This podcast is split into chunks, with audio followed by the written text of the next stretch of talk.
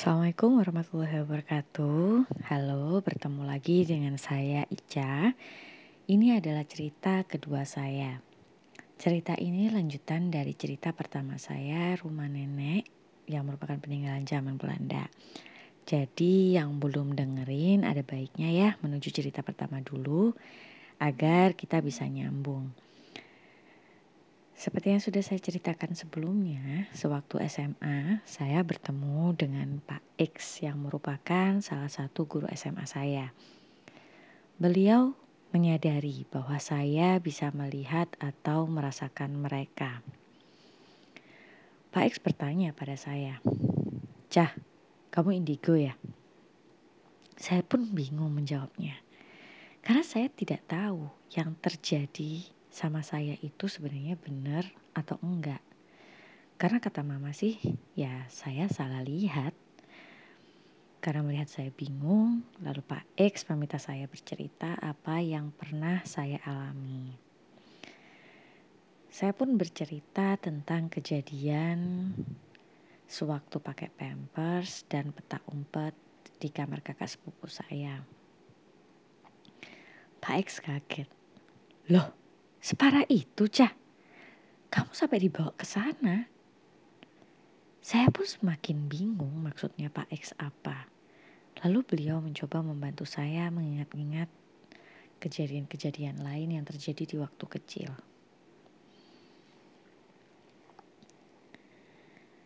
Oke, kita langsung mulai aja ya ceritanya. Pada saat itu, mama saya mengajak saya pergi ke acara tahlilan. Meninggalnya saudara dari nenek saya. Tapi, sewaktu saya mau berangkat, tiba-tiba mama membatalkan. Karena ternyata saudara-saudara yang lain itu nggak bawa anak. Akhirnya saya batal ikut. Nah, tapi gimana? Dengan ingatan saya. Kalau saya ke sana, saya juga ngeliat tentang apa yang terjadi di sana, warna baju, siapa yang ikut, motif dan sebagainya. Pak X membantu saya mengingat-ingat kembali. Santai Ca, relax, relax, pelan-pelan. Kamu bisa pelan-pelan ingat semuanya. Gak usah panik, gak usah takut. Akhirnya saya mencoba pelan-pelan mengingat kembali kejadian pada saat itu. Ternyata saya berada di sisi gelap dan mama saya berada di sisi terang. Yang membedakan antara sisi gelap dan sisi terang adalah teralis besi yang seperti jeruji besi ya, jeruji penjara itu sepanjang sisi sisi gelap dan sisi terang. Saya berdiri memegang teralis seperti saya bingung mau ngapain. Saya hanya melihat mama saya dalam diam di sisi gelap itu. Satu-satunya penerangan adalah dari sisi terang. Saat itu saya melihat mama saya sedang membagikan makanan dengan saudara yang lain. Dari situlah saya melihat apa yang dipakai sama mama saya, bajunya, warnanya, motifnya, apa yang dilakuin sama mama saya, apa yang saudara-saudara lakuin. Nah dengan begitu menjawab kenapa mama saya mikir kalau saya nggak ikut, tapi saya juga merasa bahwa saya di sana. Ternyata saya mengamati mereka dalam sunyi dari sisi gelap. Setelah diingat-ingat, saya bersama beberapa sosok yang juga menyaksikan mama saya atau orang-orang yang ada di sisi terang. Samping kiri saya ada sosok anak kecil yang tidak memakai baju, hanya pakai celana, kepalanya pun pelontos. Dia juga menyaksikan sisi terang dalam diam. Sebelah kanan saya ada beberapa sosok hitam, ada yang menunduk, ada pula yang menyaksikan sisi terang seperti halnya saya dan sosok lainnya. Dari sudut yang jauh lagi, gelap, semakin gelap. Hanya ada beberapa sosok yang juga dalam diam, dalam kegelapan. Benar-benar diam, tak bersuara, seolah-olah mereka melamun tentang nasib mereka. Setelah itu saya benar-benar nggak berani nginget lagi lebih jauh. Saya takut, benar-benar takut. Kemudian saya menyadari, mungkin ada baiknya mama saya memberikan penekanan pada saya bahwa saya salah lihat. Karena dengan adanya asumsi itu saya jadi tidak takut dan berani melanjutkan hidup saya. Saat itu ketika saya mulai menyadari bahwa saya bisa melihat dan mengalami kejadian aneh ganjil tersebut, saya benar-benar shock hebat. Dan tiba-tiba saya menjadi sangat penakut. Saya tidak bisa tidur dengan nyenyak di malam hari dan bahkan bisa jadi saya tidur hampir pagi hari. Saya benar-benar takut banget kejadian itu terulang kembali. Saya tiba-tiba berada di sisi gelap dan saya tidak bisa kembali lagi di sisi terang. Itu yang saya takutkan.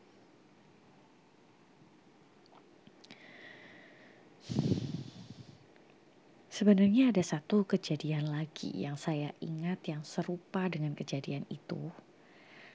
Yang menurut versi mama saya saya tidak ada di sana, tapi menurut saya saya ada di sana. Tapi karena saking takutnya saya benar-benar mau nginget kejadian itu. Hanya cuplikan-cuplikan memori yang saya tidak mau tahu cuplikan sebenarnya secara nyata. Saya terlalu takut untuk menerima kenyataan itu.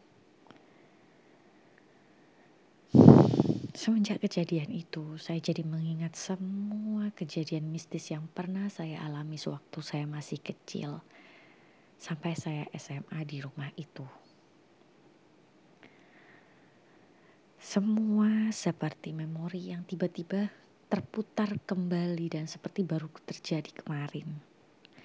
Seolah-olah terkuak dari alam bawah sadar yang berusaha menutup sebelumnya.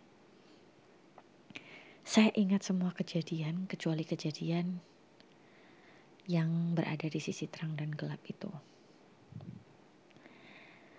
Ternyata mama saya itu sebenarnya menyadari bakat saya atau kekurangan saya itu. Tapi mama saya takut saya takut menghadapi kenyataan bahwa saya bisa melihat. Jadi otomatis mama saya itu mencoba menerapkan saya salah lihat. Dan sebenarnya itu malah berhasil membuat saya melalui masa-masa di masa kecil dengan berani. Tapi sekarang setelah kejadian saya mulai mengingat kembali semua cerita itu. Saya menjadi sosok yang sangat berbeda. Saya sangat penat takut bahkan untuk ke kamar mandi pun saya harus minta temenin. Ke mana pun saya tidak pernah berani sendirian.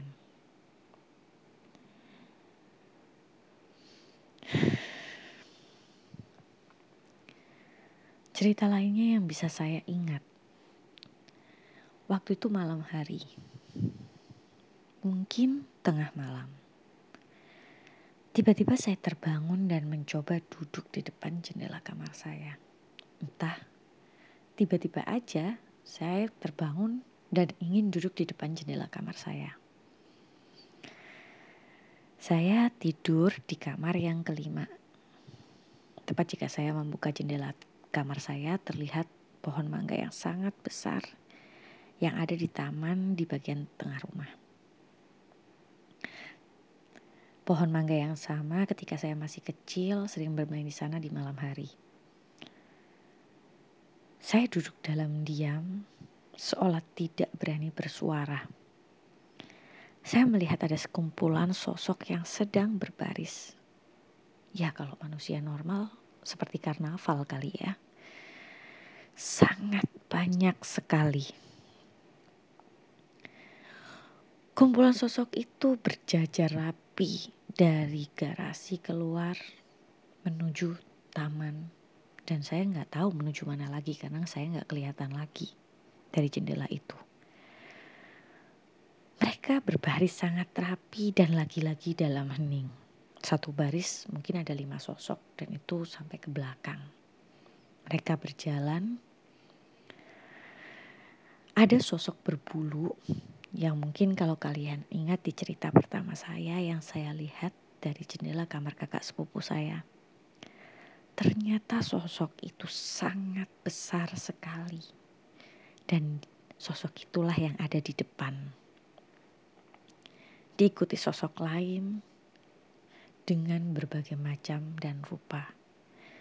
Ada yang tanpa kepala dan kepalanya dipegang di tangannya. Ada yang tanpa mata, hidung, mulut, jadi mukanya datar mukanya rata.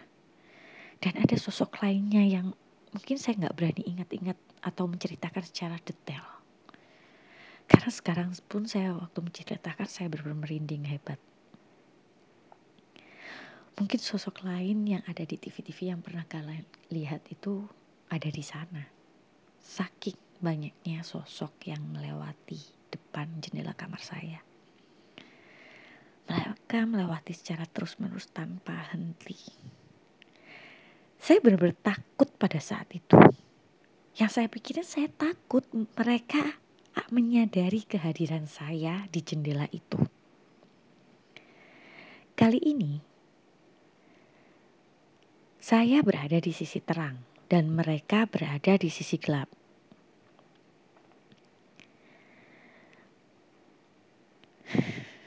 Saya takut mereka menyadari saya ada di jendela itu. Karena takut saya mencoba untuk tidur kembali. Saya turun dari jendela dan saya beranjak ke dalam selimut di atas tempat tidur. Tapi ketika saya mulai merebahkan kepala saya di atas bantal, saya mulai menyadari ada sosok lain di jendela yang menyaksikan sisi gelap bersama saya. Jadi sosok itu benar-benar ada di sisi terang bersama saya, di samping saya di jendela itu. Dia adalah sosok anak kecil yang tidak memakai baju, berambut pelontos, hanya memakai celana, yang seperti kalian masih ingat sosok yang uh, yang sama waktu saya ada di sisi gelap kejadian sama mama saya. Sosok itu juga menyaksikan dalam diam di samping saya sampai saya nggak terlalu menyadari. Sosok itu tidak pernah berkata-kata atau mengeluarkan sepatah kata pun di samping saya. Saya tidak tahu siapa sosok itu sebenarnya. Hanya saja sosok itu berulang kali muncul dalam diam di samping saya.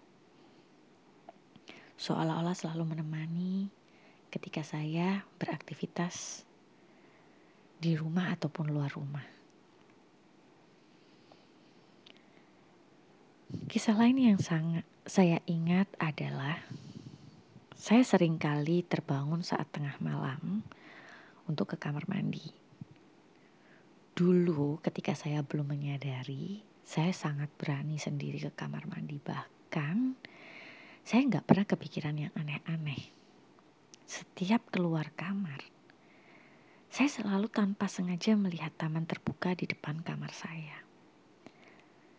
Selalu ada sosok yang berdiri di antara kamar mandi mbak atau pembantu dengan pohon belimbing. Sosok yang sama, selalu diam, menunduk. Wajahnya pun mirip rewang saya yang masih muda.